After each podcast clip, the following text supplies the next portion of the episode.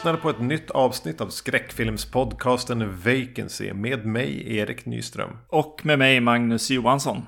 Jag kom på att jag tror att i första avsnittet eh, om Hellraiser så nämner jag att jag inte kommer vilja ha kvar filmerna. Men jag, var, mm. jag nämnde det som bara i förbifarten.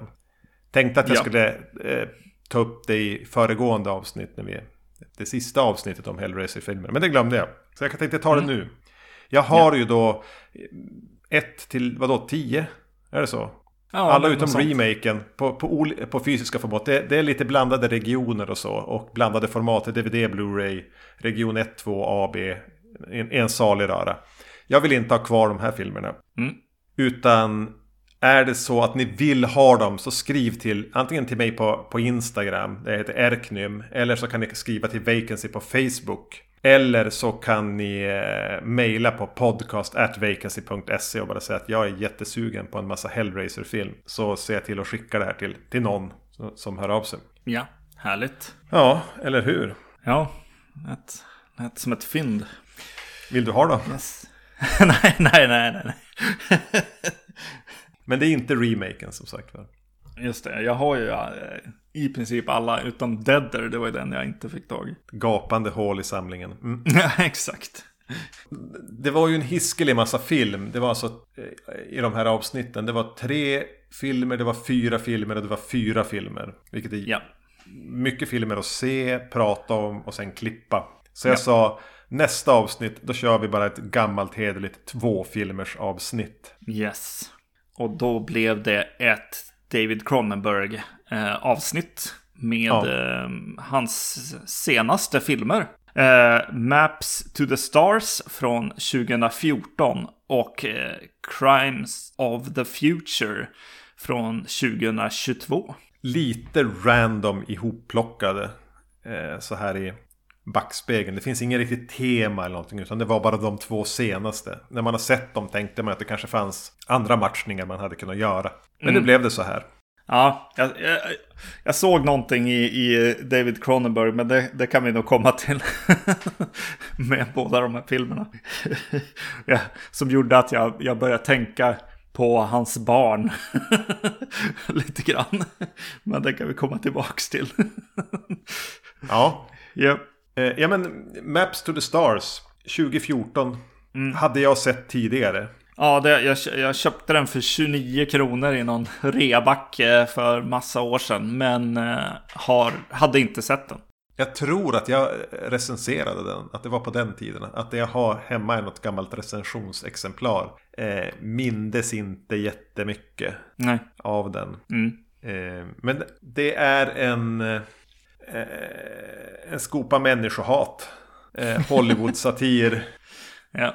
Eh, om Ja, vad, vad fan ska man börja? En kvinna återvänder till Hollywood. Lite oklart varför till en början. Hon har några brännskador. Mm.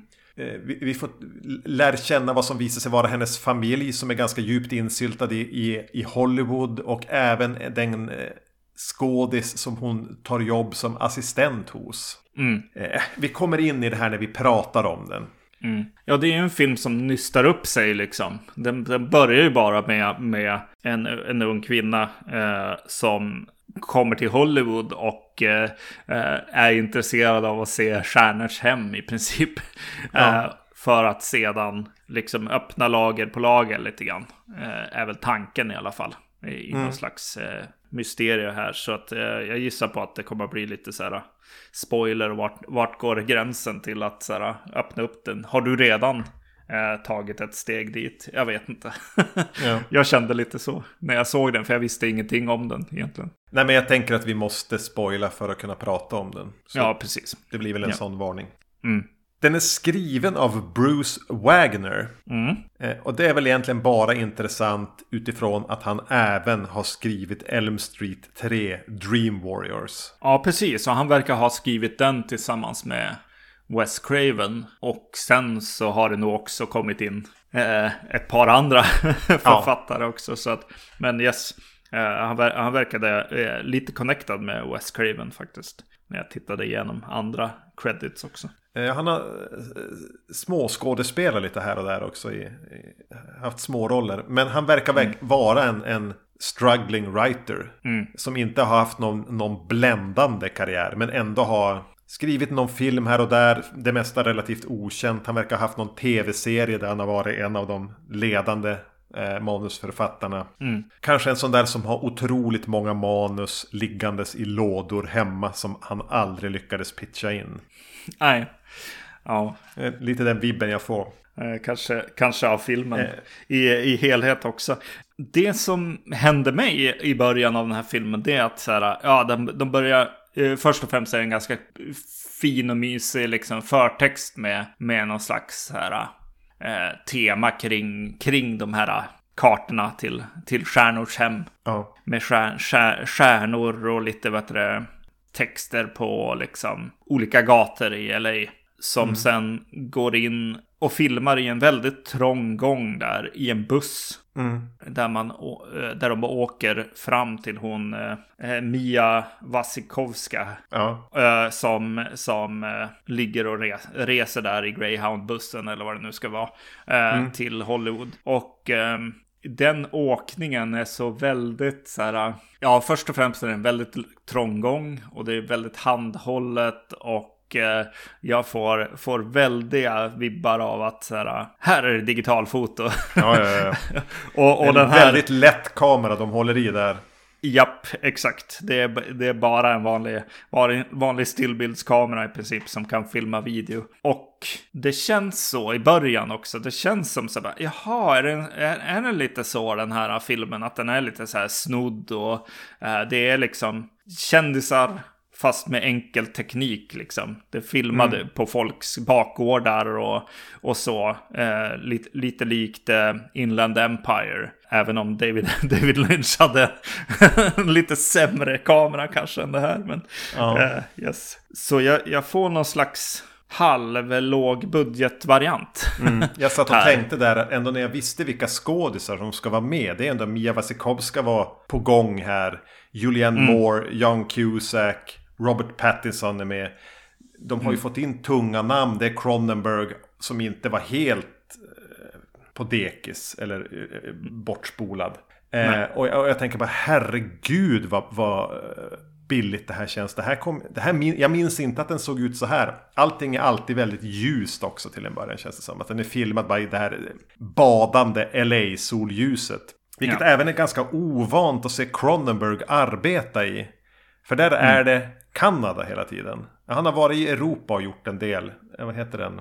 Eastern Promises är väl inspelad i, i England någonstans. London kanske. Just det. Men, Mm. men, men här är det ju verkligen LA. Så jag tänkte, okej, det, Ja. det var därför. Han fick inga pengar. Han fick inga Kanada-pengar här.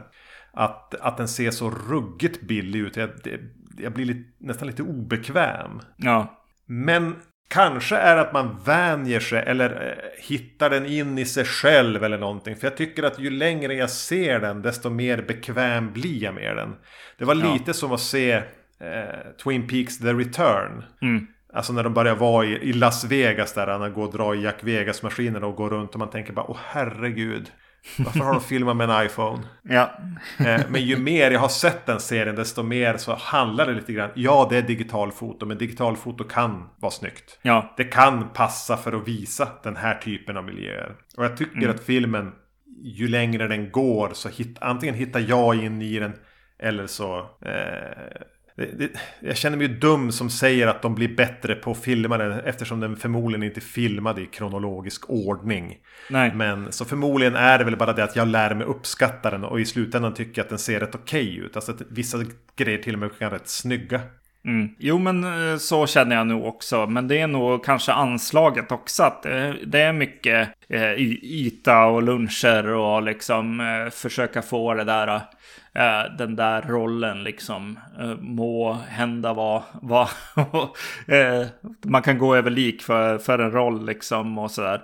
Eh, att, att det är väldigt mycket, det handlar om, om kändisar och Hollywood problem så att säga. Den här självupptagenheten och annat. Eh, det är någon barnskådis som är väldigt... Eh, vet, vet inte hur man beter sig. Helt enkelt.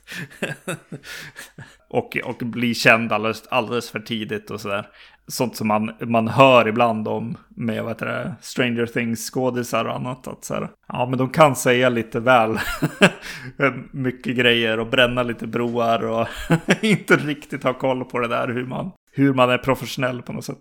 På tal om de skådisarna, visst har det visat sig att de egentligen var ganska mediokra allihop?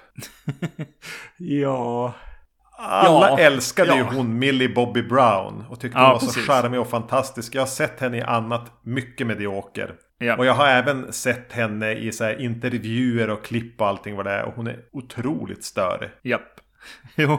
Och det verkar även resten vara. När de ska som försöka vara charmiga så sitter jag bara och tänker att ni är jättejobbiga. Man brukar få se liknande klipp på Tom Holland. Mm. Som ska visa hur charmig han är. Och han är ju det. Mm, Men de här är bara störiga. ja.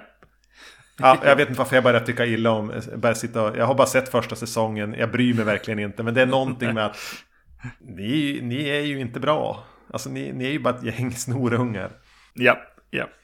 Ja, förlåt. Förlåt alla. Ehm, Ja. Ja, alltså hela...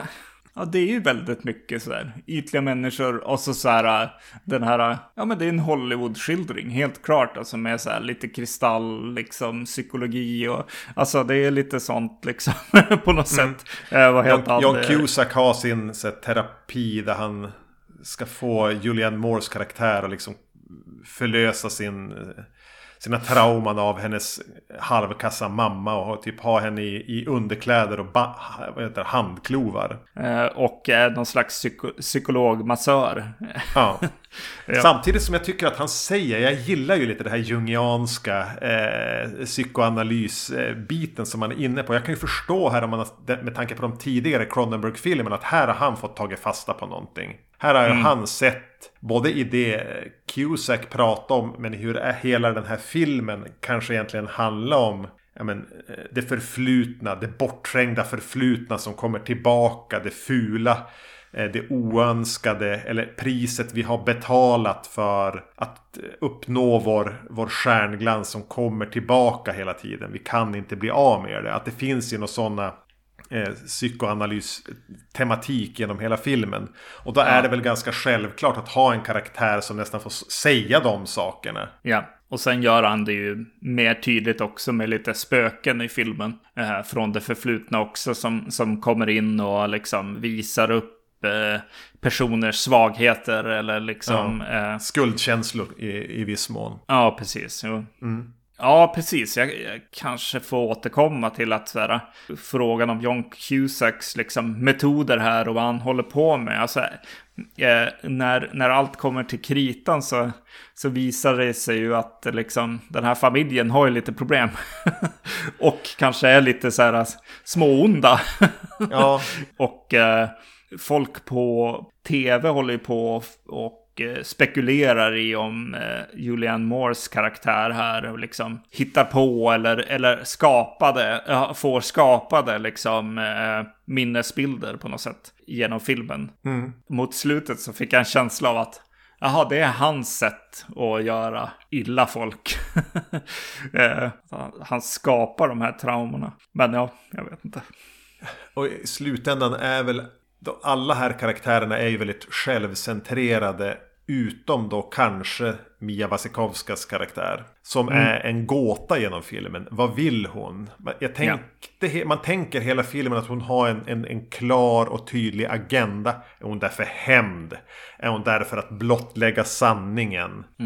Och på ett metaforiskt plan så är det ju den rollen hon har. Hon är ju där för att exponera allting. Men det karaktären gör är ju bara en vilsen liten tjej. Som råkar Ja. känna Carrie Fisher. Ja, precis. ja. Eller hon är inte bara vilsen, hon har ju faktiskt ganska allvarlig psykisk ohälsa. Och har väl Ja. i princip så halvsmite från någon slags öppenvårdsbehandling för att åka dit. Japp, japp. Då är det ganska, ganska passande att det är Carrie Fisher som är hennes eh, mentor på något vis. Eller hennes biljett. Ja, exakt. Jo, jo. Eh, jag tänkte på henne också med Julianne Moores eh, karaktär som liksom le- lever i någon ma- mammas liksom eh, våld och skugga liksom och eh, ska spela liksom sin mamma eh, i, i någon, någon film här. En remake på någon film som var hennes mammas artsy hit från mm. 30 år tidigare. Det är något som ekar där med Carrie Fisher och hennes bakgrund. Ja. yes. Tror du filmen, alltså, eh, ja det är kanske det här psykologiska liksom. Men eh, om man, om man är, lite ytlig ibland, som jag kanske är ibland, eh, så känns det som det är en film som, han, som kan säga att så här, ja, alltså är du, är du ett barn av liksom incest, då kommer du vara helt skogstokig och mm. sjuk i huvudet och mordisk i princip. jag, jag ja, precis, det finns det. ju den där den bokstavliga läsningen av den är ju bara ett så dysfunktionellt familjedrama. Ja, exakt, exakt. Eh, men det är väl det här lite, lite halvgrumliga eh, symbolvärdet som den har som gör att den blir någonting annat än det. Mm. Det bortkopplat är en ganska torftig historia. Men då är den ju kryddad med, ja men man anar det här metaforiska lagret och att den är ju ett, väldigt Cronenbergskt kliniskt betraktande av en massa narcissister som bara ser till, sina, e, till egen vinnings skull. Och är i det väldigt olyckliga. Mm, precis. Och eh, just nu så pratas det ganska mycket om så här nepotismen också i, i Hollywood. Och där kan man ju tycka att den kanske tar den, tar, ger den en doja på något sätt här också. Ja. Eh, att det finns ett visst blodsband som går genom eh, filmen här och genom Hollywood. Men vad men jag sa det, alla är olyckliga och otroligt osympatiska. Vilken karaktär som vi träffar på här skulle du helst eh, göra en roadtrip genom USA med? Du ska hänga med någon i flera dygn, liksom. det är bara ni två. Segla jorden runt med kan vi ta istället, det blir ännu mer extremt. Förutom Carrie Fisher då. ja, det är ju alltid Carrie Fisher, men hon är, hon är en för liten roll. Ja, precis. Och då är det nästan lite fusk att säga Robert Pattinson också. Ja, ja, jo, det är sant alltså. Uh, han är rätt, rätt sympatisk på något sätt här. Uh, på något konstigt sätt ändå. Ja. Även om han är, han är en sån hela... Han är en sån tydlig stand-in för manusförfattaren. Just det, just det. Betraktaren av någonting. Som ja. ändå är lite mer, men kanske har ett hjärta. Kanske... Mm inte bara ser till, till sina egna vinnings skull och får vara lite naiv. Nej, den som fastnar mest för mig, alltså kanske inte för den här roadtrippen, men som blev kärnan i filmen är ju sonen eh, för mig. Den här ja. jävla, jävla skitstöveln till barnskådis. Eh, Någon slags som... Macaulay Culkin typ. Ja, precis som man till slut inser att vänta, vänta, allt det här som har berättats och, och allting. Det är ju de här två personerna. Eh, Mias karaktär och, och han som jag tyvärr inte har namn på, skådisen. Evan eh, Bird heter han. Just det. Hans sista roll tror jag. Ja, han verkar ha försvunnit från. Ja. När de har en scen i, när, när de här, ja men, syskonen äh, möts till slut i den här äh, trailern. Ja. Eh, och vi har liksom, vi har redan fått ett, liksom ett jävla obehag genom filmen genom att han har just fått berättat för sig att den här äh, systern som gjorde något hemskt i det förflutna är, är på väg tillbaka. Är i Hollywood helt enkelt. Är mm. i krokarna. Eh, se upp liksom. Och så helt plötsligt dyker hon upp i hans eh, trailer från, från någon film han jobbar på det, den scenen tyckte jag nog var så här höjdpunkten faktiskt. Mm. I filmen. När de möts igen och ska det bli den här läskiga liksom eh, thriller liksom scenen eller inte? Och det är ju det mm. som är det sköna med den. Att det blir inte riktigt det och de säger inte allt som de borde säga i en sån scen, utan den, den liksom lindar in sig i deras sätt att ha varit med varandra på något sätt. Mm. Så det blir liksom eh, något annat än vad jag förväntar mig av scenen, vilket jag gillade. Jag gillade mm. verkligen hur de möttes och liksom hur han på något sätt var beredd. Eh, han var inte lika rädd som man trodde eller så liksom. Utan eh, det var ett semi, eh, ett läskigt och kärt återseende på något jo, sätt. Kanske så eh, hade ju de en relation som var på riktigt.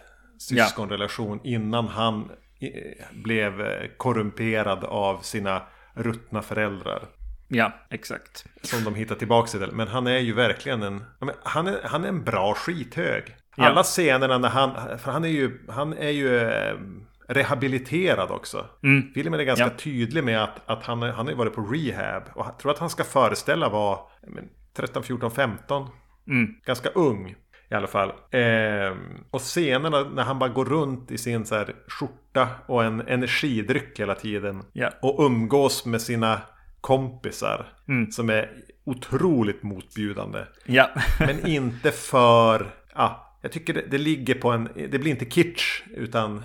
Det blir mörkt snarare än, än, än att man bara ska tycka illa om dem. Så blir man mer... Blir det en del i att det bara blir mörkt. ja, exakt. Jo, det är inte bara så här... Ja, men när man börjar eh, tycka illa om folk helt enkelt. För de Det är mer ett världsbygge. Ja, exakt. Och, och det, det finns något slags... Eh, något lite melankoliskt eller liksom sorgligt också. Mm. Som man kan ta tag i. Ja, men det är lite kul i slutändan den här filmen. Alltså jag, jag Ja. trodde verkligen inte på den i början och jag eh, eh, tyckte att den var väldigt ytlig och att så här, alltså incest behöver kanske inte leda exakt hit. Alltså den har konstiga Nej, nej. budskap på något sätt. Att, att det blir li, lite så här, den här manus, manusförfattaren kanske har, har lite, lite saker att tänka på själv också. Ja men den, äh, äh, den bokstavliga läsningen där blir ju eh, fånig. Men, Ja, den är fånig. Ja, och den hade kanske inte behövt den twisten. Jag De är den ju tillför någonting. Nej, precis. Men de, det känns som de gräver vidare i den lite grann när, när de väl träffar föräldrarna liksom igen. Att det, det, där kunde den ha tagit lite andra vändningar liksom när hon dyker upp och träffar mamman på något sätt. Att i slutändan blir det bara jag vet, du pappa var så här liksom. Alltså bara, ja, men det är inte lösningen på dina problem tror jag. Utan det är ju att de i sig inte bryr sig eller tänker på sig själva eller liksom i sig är ganska onda varelser. Att de råkade vara eh, syskon är väl liksom deras minsta problem. Exakt, exakt. Jag menar de har ju fortsatt vara gifta av någon anledning. Eller leva tillsammans i alla fall. Eh, ja men det, det, det är en märklig mix det här med det här digitala jätteljusa skarpa fotot som känns bitvis väldigt låg budget och att den är lite känns lite stulen. Men man vet att det är David Cronenberg. Och sen dyker det upp alltså så här stora skådisar som jag tycker egentligen genomgående gör bra ifrån sig. Det är, det, det är inget fel på no, no, någon eh, prestation här. Julianne Moore är ju alltid bra. Här är hon ju nästan over the top. Att hon får sitta liksom i någon slags så här halv yoga pose och bara vråla ut sin förtvivlan och bitterhet över allt. Alltså det är som det jag minns från. Om jag tänker på den här filmen så tänker jag Julianne Moore sitta där och bara vara bitter, mörk och, och obehaglig. Alltså den är att balansera, den är inte riktigt helt där. Ibland går den, går den till så här äh, att titta, bara titta ner på de här människorna på något sätt. och ibland ger de dem ett slags djup som inte är så här likable, utan eh, men man, man får lite mer. Alltså jag menar när Julian Moore eh, liksom dansar omkring och, och skuttar eh, för att hon har fått liksom jobbet och, och, och liksom sjunger om, om eh, någon annan skådespelerskas barn som har dött. alltså Ja. det, är, det är lite mycket på något sätt också. Jo, alltså det ska väl vara lite roligt på något vis. Det ska väl Ja. vara en, en, en satir där. Men jag vet inte om det är roligt. Det är som den här gamla intervjun med David Cronenberg när han pratar om, eh, vad heter det, Naked Lunch och pratar om hur rolig den är. Så bara, ja, ja, sure. ja, men nej. Eh, han kanske inte, inte har koll, eller klarar av den här satiren alltid. Nej, hans blick på det här blir ju lite enahanda. Mm. Eh, och den är kanske roligare att prata om också än, att, än vad den är när man ser den. Mm. Även om det finns saker där tiden att gilla i liksom bra skådespelare och så, så är det ju inte så mycket. Den är ju inte, den är ju inte välskriven. Nej. Och det här metaforiska lagret, ja det finns ju där. Var det har uppstått vet jag inte. Och riktigt vad det ger mig kan jag inte heller svara på. På samma sätt som att det finns en tematik i den med, med eld och vatten. Mm. Som, som kommer tillbaka. Ja. Och det är en dikt som, som återkommer. Framförallt Mia Wasikowska läser den hela tiden. Just det. Som, ja. som knyter ihop någon tematik som kanske finns där men jag har fan ingen aning om vad det är. Mm. Och, och det lockar mig inte att nysta i så mycket heller. Nej, jag tänkte på så här, jag, jag försökte liksom hitta kompisfilmer liksom. På något sätt liksom. Åh, vad, vad, vad, vad ser jag när jag också ser den här filmen? Eh, Ja. Då tänkte jag på Neon Demon. Eh, är, Ja. är en. Och eh, Inland Empire såklart. alltså i slutändan så ser jag nog om Neon Demon en gång till liksom. Eh, även om den är lite mer yt ännu ytligare. Och, och Ja. gjord av någon som inte, inte riktigt går så djupt. Men, men, men ytan och liksom det ganska tydliga budskapet eller vad man ska säga är, är, Mm. ganska, är charmigt för mig i den filmen. Och Inland Empire är ju fantastiskt bra. Så att Ja, den skulle jag ju se okej. varje gång. Du hinner se både Neon Demon och Maps to the Stars samtidigt som du ser eh, Inland Empire. ja. Jag är ju inget fan av Neon Demon. Nej. Absolut inte. Jag föredrar nog den här. Men det här är ändå ingen film jag skulle rekommendera till någon egentligen. Men det var, den är kul att prata om. Ja, Har precis. du köpt Criterions utgåva av eh, Inland Empire? Har jag det? Jo, det har jag nog gjort. David Lynch hade ju gjort en ganska rolig liten skiss över hur transfern hade gått till. Som gör Ja, okej. en nyfiken, jag kan skicka den till dig. Eh, Ja. Det gör en nyfiken på att eh, faktiskt se en 4K-transfer på en film fotad Nej, på, det har jag inte. Nej. på, på, på jag tror att det är ganska nyligen den är släppt. Så det, det, Ah, okej, jag måste kolla. Jag, har- jag har den inte. Men jag känner Nej. att jag måste köpa den bara för att se. Ja. För den ser ut som skit. Eh, Ja. va, va, va, hur, hur, kan man, hur kan man göra skit i 4K? Ja, jo, precis. I, innan vi lämnar, mina sista ord om Maps to the Stars. Får ändå bli det att jag har nog aldrig blivit så provocerad av David Cronenberg. Som när han godkänner effekten där mamman brinner. Ja, just det. Nej, det är inte bra alltså. Det är inte okej att släppa igenom det. Lös det på ett annat sätt. Eh, sätt eld på Kane Hodder eller Ken Kirsinger istället. Det hade varit bättre om man hade sett att det var Ken Kirsinger 1,98 som står där utklädd till mamman och brinner. Än det här. Det här är inte okej. Man får inte göra Nej. så här. Nej. Eh, Ville han provocera mig så lyckades han. Men jag tror inte det var det han var ute efter. Nej, precis. Han kanske bara underströk egentligen vad man fick en känsla av där i bussen liksom mot slutet. Att det här är eh, lågbudget och jag vill göra en film liksom. Och sen är jag David Cronenberg och jag har kompisar. yes.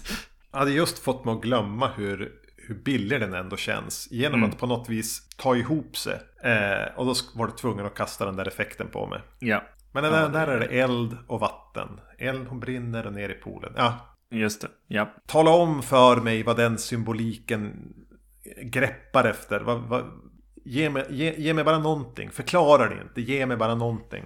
Just det. Ja. Ska jag öppna en öl? Lagunitas ska. Maximus Colossal IPA. Mm. Jag, så, jag har suttit och druckit rödvin hittills. Va, vad har hänt? Ja, du ser ju på David Cronenberg-film. Nej, då ska vi se. Clown Shoes, Galactic West Coast IPA. Öppna- Öppnar jag.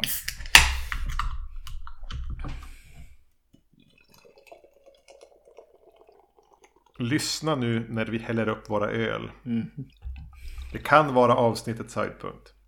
Han kom till, det tog åtta år innan han gjorde film igen, Cronenberg. Och då blev det då den som kom i fjol.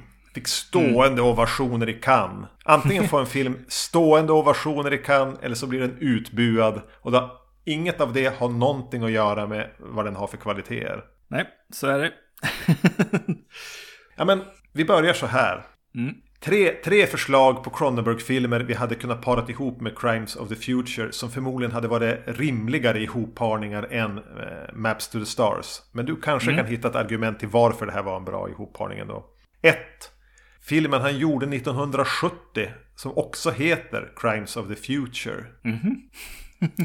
som inte har sett. någonting med den här att göra. Jag har inte heller sett den. Jag har den på en sån här Cronenberg Early Works-grej som vi kanske kan beta oss igenom någon gång med lite kortfilmer. Eh, storyn har ingenting med den här att göra. Mm. Han, han gillar tydligen bara titeln. Ja, precis. Men jag kan, alltså om jag vill, om jag kan dra en liten streck så är det väl kanske att eh, han går lite tillbaks till Ja. Eh, sitt ursprung här kanske. En, en annan film man hade kunnat para ihop den med av hans hade varit Dead Ringers. Som vi inte har pratat om än heller. Nej. Och ett tredje alternativ hade kunnat vara Existence. Som vi inte Ja. heller har pratat om. Just som det. tydligen också hade arbetstiteln Crimes of the Future. Mhm. Jag tänkte mycket på Crash om jag ska, ska vara ärlig. Så att Ja. jag skulle nog kunna para ihop det med Crash också. Ja. Man, manuset här är ju tydligen något han har haft i versioner av tidigare. Den här var på gång 2003. okej. Och då hette den Painkillers. Mm. Och utspelades i en framtid där människan inte längre kunde känna smärta. Ja. Så att få människor att faktiskt känna smärta blev den nya sanna njutningen. Det blev det kicken alla sökte, att känna smärta. För det var en, det var en, en, en känsloupplevelse som ingen längre hade. Just det. Nicolas Cage var och Ray Fiennes skulle spela karaktären som Viggo Mortensen gör här. Mm. Ingen Doug Bradley i den. Nej. Jag har faktiskt en, en, en, en, en liten parentes till, till Hellraiser sen. Men eh, det blev aldrig. Och sen skrev han om den. Ja. Eh, och eh, fick göra den då nu. Tydligen. När man trodde att han var nästan död kanske. Ja. Och den utspelas i en oklar dystopisk framtid där eh, människan verkar kanske genomgå förändringar. Exakt hur samhället ser ut vet vi inte. Men vad, vad vi vet är att en viktig del av det här samhället är de här superkändisarna som genomför live operationer där de opererar ut deras nymuterade organ. Mm. Men det finns andra underjordiska rörelser som vill bejaka en viss typ av mutation. Är det den nya människan som utvecklar sig till ett nytt samhälle? Eh, vad, vad, tycker, vad tycker corporate om det här? Vad, vad säger staten om det här? Mm. Det låter lite som att jag beskriver en Brandon Cronenberg-film. Där man tänker, men sluta bara apa efter pappa. Men det är pappa som apar efter pappa. Det är någon slags rundgång. Som går. yes. Ja.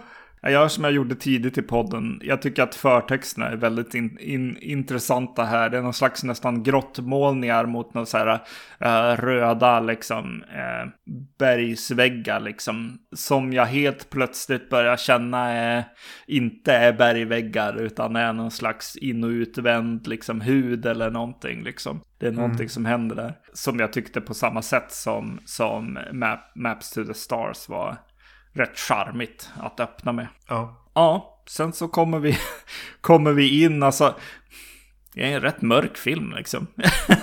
Ton, tonen är ju rätt mörk, alltså det kommer in en, en pojke liksom som... Får jag bara säga eh, att den ja. öppningsbilden när han Ja. sitter typ vid vattnet och det är typ ett strandat fartyg i bakgrunden och allt känns rostigt. Japp. Jag ser sömmarna i hur billigt det här är. Ja. Men fan vad de har lyckats sk- skruva i inställningarna i redigeringsprogrammet och i kameran. Ja. Och, och, ändå fått till det. För jag tycker att det där är en slående, mörk, dyster öppning. Ja. Ja, Och det blir bara värre därifrån. Så jag vet inte hur jag kan säga det här på ett bra sätt. Men eh, hon, eh, hon mamman som säger åt honom att inte äta något där på stranden. Ja. Eh, Mycket intriguing liksom. Va- Vart ska det här leda liksom? Och Ja. då, då är det nog skådespelerskan som direkt charmar mig på något sätt här. Om jag ska vara öppen och ärlig helt enkelt. Bara, Oj, vem är det där? Särskilt efter att jag har sett vilken, vilken rolllista det är liksom.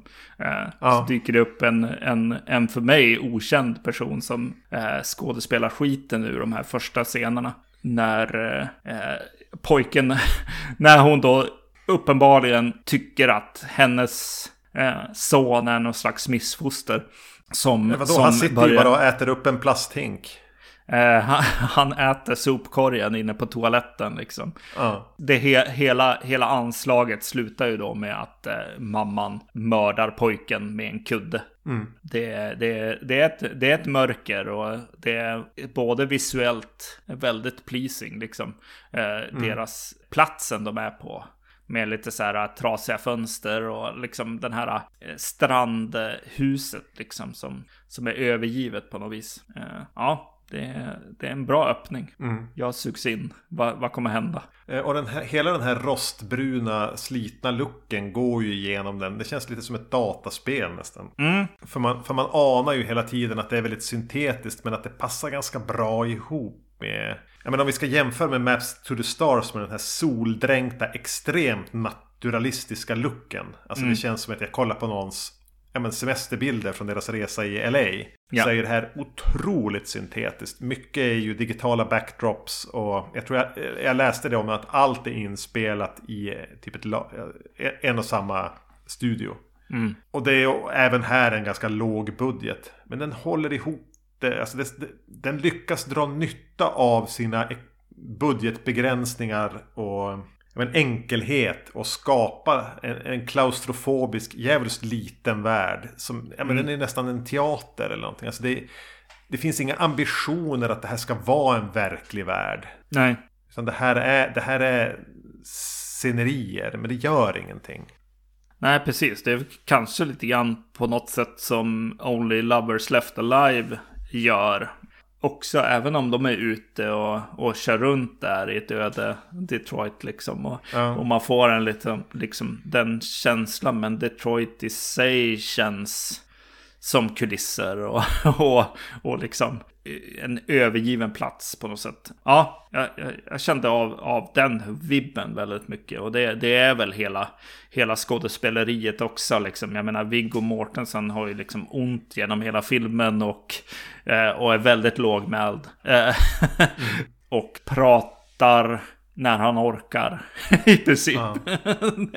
det är något. Tydligen så hade han ju gjort sig illa på riktigt. Han hade tydligen jätteont. Han hade varit med om någon olycka med någon häst eller vad fan det var. Jaha, okay. Så anledningen mm. att han, han står ju typ ner på knä och på huk hela tiden. Mm. Det är ju för att han klarar inte av att stå upprätt. Ja, just det. Mm. Eh, men det är någonting med att han har på sig den här... Alltså, han ser ju ut som Emperor Palpatine i den här filmen. Ja, exakt. Han går ju ja. runt med verkligen en, en jedi-robe. Ja. Eh, och, och den här så bara, glesheten i filmen. Det är inte mycket folk här. Det, det är väldigt, jag, jag, tänkte på en av de få så här, Disney Plus eh, Star Wars-grejer jag sett. Så såg jag den här Obi-Wan-serien. Ja. Som, som bara skriker pandemi. ja. eh, och det var en av mina associationer. Att den här filmen eh, kan ha att göra med att han går runt i den där roben. Men även just den här. Ja, ni fick inte ta in så många statister som ni kanske ville. PGA-restriktioner. Mm. Att den här är nog, det känns som en pandemifilm. Ja. Tidigt här innan, innan kanske innan kanske det börjar för, förklaras lite grann vad, vad, vad fan det här är med, med att äta, äta papper, sopkorgen och sådär. Eh, så fick, eh, det var här jag började få så här, eh, både från Maps to the Stars och den här filmen. Och min, min connection mellan dem blev verkligen så här. är David Cronenberg pappa? Jo, men det vet vi ju. Det vet vi ju att han är. Mm. jag, jag fick en, en stark känsla av att han hade en viss syn på barn. Alltså som att det, de är någon slags sak som förstör ens liv lite grann. Eh, en sån känsla fick jag. Alltså att i viss... alltså att kanske deras här konsekvens tankelöshet liksom, eller ointelligens eller vad man ska säga, klumpighet eller liksom att de bara vill ha och vill ha. Det är något som förstör liksom. Som, som och även kanske att, vad heter han, eh, pappan i det här fallet, Scott eh, Speedman, en, en mm. annat sätt som barn kan förstöra ens liv är ju att genom att dö till exempel. Eh, mm. Så, så det finns liksom, det finns bara misär lite grann med att ha ett barn liksom. jag fick en sån känsla, vibb i alla fall här. Att så här, både den här barnskådisen från, från förra Mi, Mias karaktär och så sen eh, den här papperskorgsätaren. Liksom.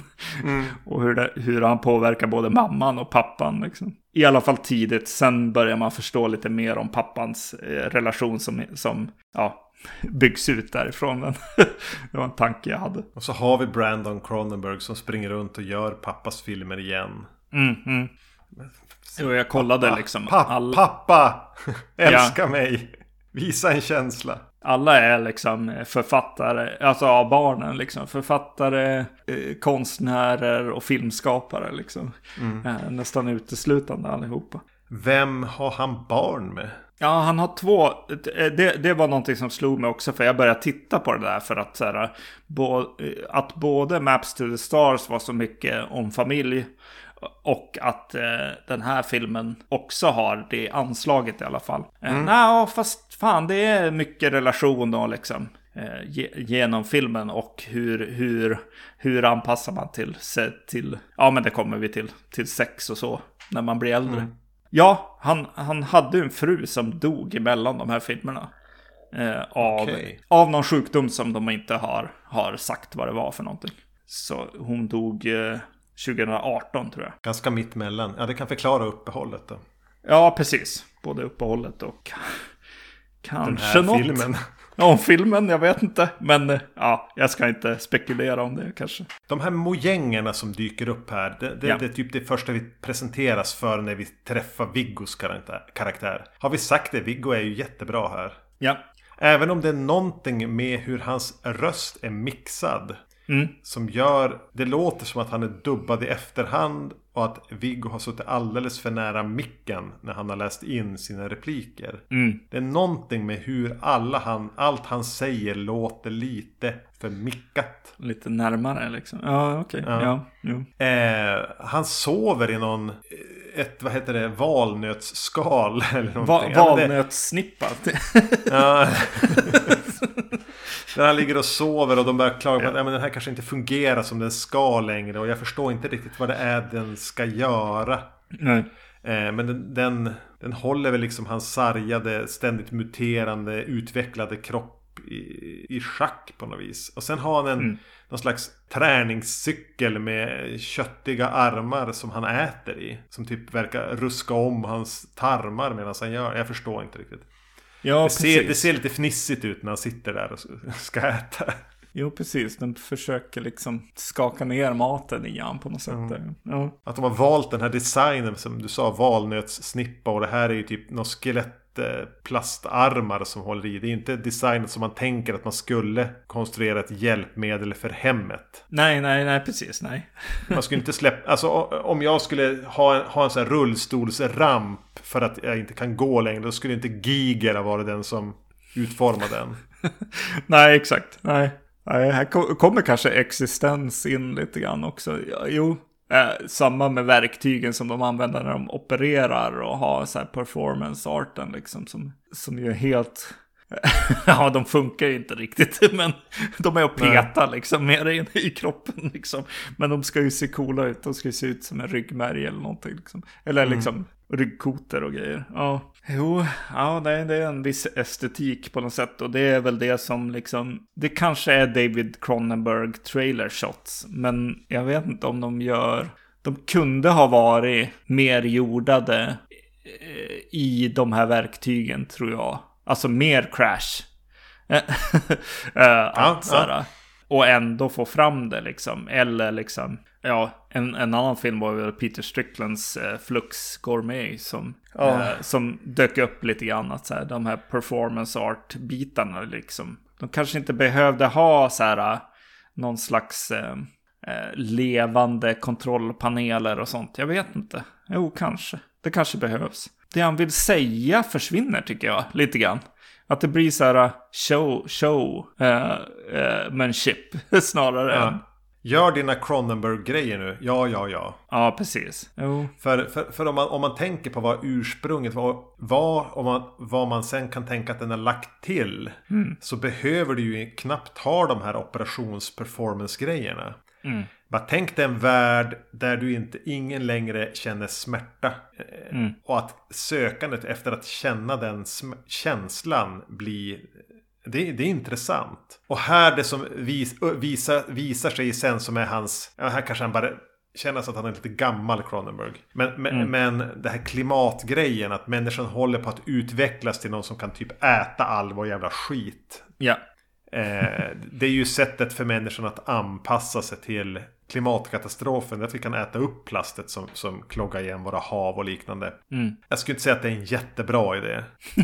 men, men, men, men, det är den idén han har velat smälta ihop med den här painkillers-idén. Och det kan jag som hedra för. Men varför ska vi ha alla de här konstiga mojängerna som känns som något som är kvarglömt från Existence eller fan Videodrome kanske. Eller Dead mm. Ringers. Alltså vad, eller är det, var det bara det som gjorde att den här filmen fick bli gjord? Ja, precis. Jag, jag får en liten sån känsla. Jag skulle nog hellre vilja se liksom den här uh, stora snubben som är med i Crash liksom. Som leder honom genom ja. någon slags uppvaknande på något sätt kanske. Jag såg någonting i den här filmen som hade med, alltså jag vet inte. Det, det var något som slog mig med att så här, det handlar mycket om att bli äldre. Och mm. att det gör lite ont och man har lite skavanker och liksom kanske lite problem med lederna och sånt. Men det finns en... det känns som att eh, sinnet är... Eller så här. Eh, sex, det sexuella drivet är kvar igen. Mm. Och att, att det här handlar lite grann om att hur bygger vi in den här lite smärta smärtan av att vara äldre med njutningen av, av eh, sex. Liksom.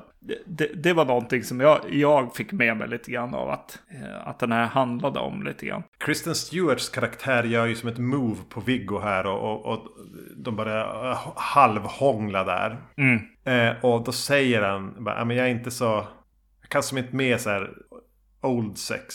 Alltså Nej, gamla sortens sex. Istället har han liksom en en, en, en dragkedja på magen. Där Leia Seydoux liksom stoppar in tungan och slickar på hans inre organ. Alltså ja. det är någon slags njutning som man klarar av. Ja. Och hur det är... Samtidigt som man hela tiden har ont. kanske kanske något slags jagande också efter nästa. Liksom. Vad, vad är nästa liksom, steg här? ja, men det var här jag tänkte också att, att säger den här mer på fem minuter om eh, kopplingen mellan njutning och smärta. Och gränsöverskridning mm. än vad elva Hellraiser-filmer gör. ja, exakt. och lite så, ja. Vad tyckte du om Chris, Kristen Stewart förresten? Alltså, jag, jag, jag öppnade lite grann här i början. Att jag bara, åh oh, shit vad nervös hon är. Eh, ja. Att, eh, någon slags övertänd i sitt agerande på något sätt. Eh, väldigt förberedd, väldigt så här, det här är viktigt för mig. Eh, det, mm. det var det enda som sken igenom liksom. på något sätt. Hon ersatte tydligen Natalie Portman. Ja, okej. Okay. Just det. Så, mm. ja. Jag har lärt mig att uppskatta Kristen Stewart som, så här, som underspelar hela tiden. Ja, precis. Jag kan gilla hennes så här, truliga, sura skådespel där hon inte gör så mycket. Hon går som bara runt och blänger och, och är. Jag har börjat ja. gilla det i en del filmer. Personal Shopper till exempel är eh, mm. ett bra exempel. Jag tycker hon är bra också. Ja, Ja. Mm. Jag vet inte riktigt om jag kan se det här. Det, det som, som, som jag kände i början var verkligen den här, så här. Alltså som jag, i Eastern Promises så var jag så här. Fan, Viggo överspelar här. Han, han gör lite liksom för mycket och lite för mm. liksom utstuderat. Eh, och jag fick någon slags känsla av att säga är det det jag ser på? Är det någon slags spion eller är hon undercover på något sätt? Och att hon kommer liksom göra en stor vändning i filmen. Hon spelar någon som spelar. Ja, precis, exakt. Ja, ja till viss del så blir jag ju, alltså hon är med i någon slutscen där hon kommer till en autopsy, liksom, eller vad man ska säga. Och då är jag helt trygg i henne igen. Eh, mm. Men jag vet inte vad den har sagt, filmen, om jag ska vara ärlig. Ja, om hennes karaktär. Jag, jag, jag följde inte med hennes karaktär. Nej, och det är väl det att hennes karaktär glider in och ut i, i periferin. Samma sak hennes överordnade, han, eh, den skäggiga eh, mannen mm. på National Organ Registry. Kan, är periodvis viktig men glider sen bara ut. Yes. Det finns några agenter här, de här kvinnorna. Ja, just det. Gud, mm. Som kändes som några, jag vet inte. Vi sitter ute och dricker öl och så sätter det sig ner två bredvid oss. Och mm. får för sig, delvis för att, att det var enda platsen ledig och så får de för sig att vara sociala. Och lite ja. onyktra. Mm. I alla scener känns de som dem. Ja.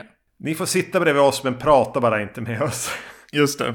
Ja, när, när, när de börjar så här döda folk och så, så eh, och börjar skutta efter och så, så, så fick jag en stark känsla av att de, de var väldigt, väldigt, väldigt Jean Roulin. Eh, de jo, två... De sitter två... som ihop på något vis också. Ja. Håller de hand? Jag vet inte, men det känns så. Ja, precis. Och ibland är de nakna och inte. Och så skuttar de fram när de har gjort något hemskt. det, det kändes väldigt, väldigt mycket så. Eh, men de, de kommer och går i filmen. Pappan ja. här, Scott Speedman, kommer och går. Ja. Eh, även... Ah, skitsamma, det var någon till karaktär jag tänkte på som bara glider in och ut i filmen. Eh, men tillbaka till de här två agenterna. Mordet ja. när de bara borrar ihjäl i bakhuvudet. Ja. Det är ganska bra. Ja, det är bra. Mm, det är väldigt, väldigt grafiskt eller liksom så här på det där sättet som det skulle hända. Ja. Om folk bara fick för sig att borra i någon. Alltså Scott Speedman. Ja men ge mig en kontext med Scott Speedman. Jag känner igen namnet, jag känner igen honom, men varifrån? Jo men han var ju med i vad, vad, Felicity. Han var en av, av eh, Love ja, nej, Interestet i dem. Och så är han ju med i Underworld-filmerna. Eh, ja, jag har sett någon där. Ja, ja. därifrån. Det är någonting med honom som säger bara, ja, okej, okay, ja, ja, han är nästan aldrig bra. Men det är något konstigt med att jag hela tiden hejar på honom. Eh, jag vill att det ska gå bra, jag vill att han ska eh, göra någon, någon eh, Jake Gyllenhaal, liksom någon Nightcrawler eller att, att det ska, ska ske liksom för han. Det är, det är någonting så här, han kanske än idag måste växa in i någon så här eh, gritty biker-roll eller någonting som bara vänder allting. Men alltid när jag ser han så hejar jag på han. Han är inte bra här tycker jag. nej, nej, nej, nej gud nej. nej. Är inte det han är, lite han är David, David Schwimmer också så? Ja, just det. Ja. Aldrig bra, men man vill liksom att han ska ja. kunna få vara bra någon gång. Ja, alla han hamnar med här liksom är ju bara mycket bättre. Och eh, ja, kanske framförallt i min värld då den här mamman som jag, när hon dyker upp igen och Viggo Mortensen har en dialog med henne. Hon är så här kylig och bara jag gjorde rätt liksom. Och gjorde kanske inte rätt. I alla fall inte Nej. enligt, enligt eh, David Cronenberg här. eh, kanske. Men du är beredd att köpa det? Ja, ja jag, tycker, jag tycker hon är mycket charmig. Men ja, Scott Speedman är nog det svaga kortet tyvärr. men ja. jag vill att han ska vara bra. Eh, ja, men det, det, det, är ju en liten rörig film också. Även om när jag minns tillbaka på den så ser jag som mest eh, Viggo Mortensen som typ hukar runt i sin utklädd till, till eh, Emperor Palpatine. Mm. Och har ont i, i en grå, i en brun, eh, grå, dyster värld. Och att mm. jag ändå köper hela stämningen som filmen befinner sig i. Och att, att den, ja men som vi sa, det, det, det kastas in lite så Cronenberg tropes eller vart, vem som nu har kastat in dem vet jag inte. Men det är någonting som är så självklart med begreppet inre skönhet. Ja. genom Cronenberg.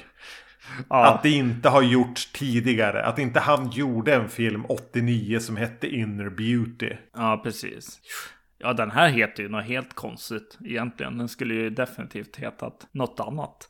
Eh, ja, men... Det finns många bättre förslag på titlar här kan jag tänka mig. Än vad den faktiskt har fått. Bara för att han verkar älska den här titeln. Alltså, Viggo Mortensen är ju förmodligen bättre än filmen i den här. det, det, ja. är eh, det är nästan, han spelar den bättre än vad, vad hans roll egentligen är på något sätt när han börjar helt plötsligt hamna i någon slags Eastern Promises land liksom. Och försöker ja. klura ut eh, någon slags eh, eh, deckare på något sätt. Varför ska han göra det egentligen? Han ska ju, han ska ju befinna sig bara i den här världen. Only left, lovers left alive-världen liksom. Eller bon, Bones and All är också en film som är bara, ja men var bara i det här. Eh, löst Precis, vem bryr sig om, om organisationer hit och organisationer dit och mm. infiltratörer mm. och vad de vill och jag, jag bryr mig inte om det. Nej, nej, precis. Korta den här filmen lite grann och låt mig bara halta runt med Viggo eh, och eh, en värld där, där människan håller på att utvecklas till någonting och Tryck mer på det här med inte känna smärta längre. Va, va, vad skulle det innebära för oss? Eh. Varför säger han ifrån hela tiden med sina organ? Och, ja, det finns mycket ja. Eh, och kanske djupdyk ännu mer i hur sensuellt operationer är. ja, ja. Surgery is the new sex, säger de väl? Precis, precis. Hellre i det än att så lite nödgat få in någon så här, klimatångest äh, i den. Mm, precis, jag, är, jag, jag, är eh, uppbyggd till 98% av klimatångest. Men här vill jag inte ha det. Det, det limmade inte. Det, det, blev, det blev grötigt. Mm, precis, precis. Men ja, de verkar ju vara där en del av gubbarna liksom. James Cameron är ju definitivt där. med Avatar nu, nu för tiden också. Uh, och, uh, ja men de har ju inte fel. Nej, nej, nej. kommer nej, ju att dö av det. Kanske jo. inte vi. Vi kanske överlever. Men ja. inte våra barn. Nej, vi måste definitivt börja äta våran plast. Ja. om det här ska gå bra. Är det något sista du vill säga om Crimes of the Future? Kanske att båda, om jag säger det rakt ut, att båda de här filmerna är intressantare att prata om. Eh, än att, att eh, se kanske. Definitivt. Mm, mm återigen, jag skulle nog inte rekommendera någon av de här filmerna till, till någon. Eh, men, och det var lite halvtrögt att ta sig igenom dem. Men jag ångrar inte att jag sett dem och det har varit rätt kul att prata om dem. Mm. Och det finns saker att uppskatta i båda. Ja. Tveklöst. Jag tyckte nog att Crimes of the Future ändå för mig, när Maps to Stars blev så mycket yta liksom. Eh, sen när den unraveled liksom och, och det hände grejer och sys syskonen och alltså familjedramat eller vad man ska kalla det för. Det var, eh, det var rätt smart eh, skrivet av Robert Pattinson-karaktären. på något sätt. Det, det, är liksom inte det bästa i världen. Liksom, men, men ensam ung kvinna söker eller Map to the Stars. Ja, kanske Map to the Stars. Jag vet inte. Medan Crimes of the Future tycker jag ändå hade lite mer av eh, var och hamnade i diskussioner där, där jag själv började vara gubbe liksom. eh, och och eh, vart ska det här leda liksom? Att man börjar känna lite styvt i ryggen och liksom hur ska det här gå liksom? Skulle jag, skulle jag ge en edge till någon av filmerna är det nog ändå Maps to the Stars. För jag gillar den här lite psykoanalytiska mm. aspekten av symbolismen i den. Även om den är den är ju inte spot on. Mm. Men att glida in i den här murriga, mörkbruna världen med en, med en plågad Viggo och operationer mm. och tatuera organ och grejer. Ja, det är så mycket sådär saker som ändå är lite mysiga. Även om den är så gud förbannat pratig. Gud vad de pratar i scenen. Mm, mm. Och för mycket karaktärer som jag inte bryr mig om. Och, ja, men Ja, alltså nu ja. så här i efterhand var det kanske inte en så dum kombo det här. Nej, nej, nej. Nej, jag tänker att de, de... Om man tänker på David Cronenberg som lite äldre, som en familjefar och som någon, någon som har relationer. Eh, snarare än eh, de filmer vi kanske såg tidigare från honom. Eh, även om det var filmer där han till exempel träffade en del av de här fruarna. eh, så känns det... Ja, jag vet inte. Det, det, det är no någonting med det personliga på något sätt. Och familjedelen liksom, ja. av det på något sätt. Och jag menar, att vara far och tänka på, eller förälder kan jag väl säga, och tänka på miljöfrågor. Det är jävla inte konstigt. det är typ direkt. Det är, det är sen 70-talet liksom. det, det, det finns. Eh, eller tidigare till Det är inga nya känslor vi har här inte. Nej, nej precis. oh. Fråga blir liksom Cosmopolis som man gjorde med, med Pattison i en taxi. Mm. Vad fan ska vi para ihop den med? Ja, det ska bli intressant. Det är en bra fråga att kasta ut till er lyssnare. Även om jag vet att vi har flera klassiker av Cronenberg kvar att avhandla. Mm. Vad fan ska man... Vi måste ju göra allt nu har jag bara känna. Ja. Det finns ingen återvändo. Vi måste prata om Naked Lunch. Vi ska igenom Spider. ja, ja, ja. Ja. Eh, men det finns men, mycket. Ja, Mycket att prata om. Dead Ringers, mm. allvarligt talat så minns jag inte om jag sett den överhuvudtaget. Nej. Nej. Så det, det, det är något att se, helt klart. Mm. Och vad fan, flugan. Ja. Den har jag sett. Ett par gånger, men... The Dead Zone. Mm. Och vet du vad? Nu kommer jag bjuda på en brygga. Mm. För nästa avsnitt. Yes. Eh, ska inte innehålla The Dead Zone eller någonting av Cronenberg. Men The Dead Zone är ju skriven av Stephen King. Mm. Och det börjar vara länge sedan vi pratade om någonting skrivet av Stephen King va? Mm. Så i nästa avsnitt ska vi göra ett, någonting som har funnits lite på lut, åtminstone i mitt huvud, jätte, jättelänge. Ja. Och det är ett bilavsnitt. För jag älskar bilar. Nej, det gör jag verkligen inte. Jag hatar fordon av alla dess slag.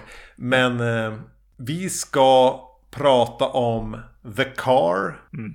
The Hearse och Christine. Den sista då såklart baserat på en bok författad av Stephen King. Mm. Det ska bli väldigt kul. ja. ja jag, vet, jag vet att jag, att, vad det, jag gillar en av de andra filmerna och sen så dyker John Carpenter upp. också. jag, Hoppsan sa. Jag, jag vill inte... Jag lämnar vilket av The Car och The Hearse som, som du gillar. Som jag gillar. Nej men sist vi kastade ihop ett tema med tre filmer och eh, hade med en King-filmatisering i det var ju när vi pratade om Cujo. Vad hette den där filmen med någon eh, Hound? Satan. Soltan. Soltan, ja. ja. ja. Och Man's Best Friend med hundar. Ja. Så blev det ett väldigt lyckat. Mm. Så vi hoppas på en repris här. Även om jag föredrar hundar framför bilar. Ja, ja. Eh, ja men tack för att ni lyssnade. Vi hörs och ses när vi pratar om bilar. Hej! Hej då!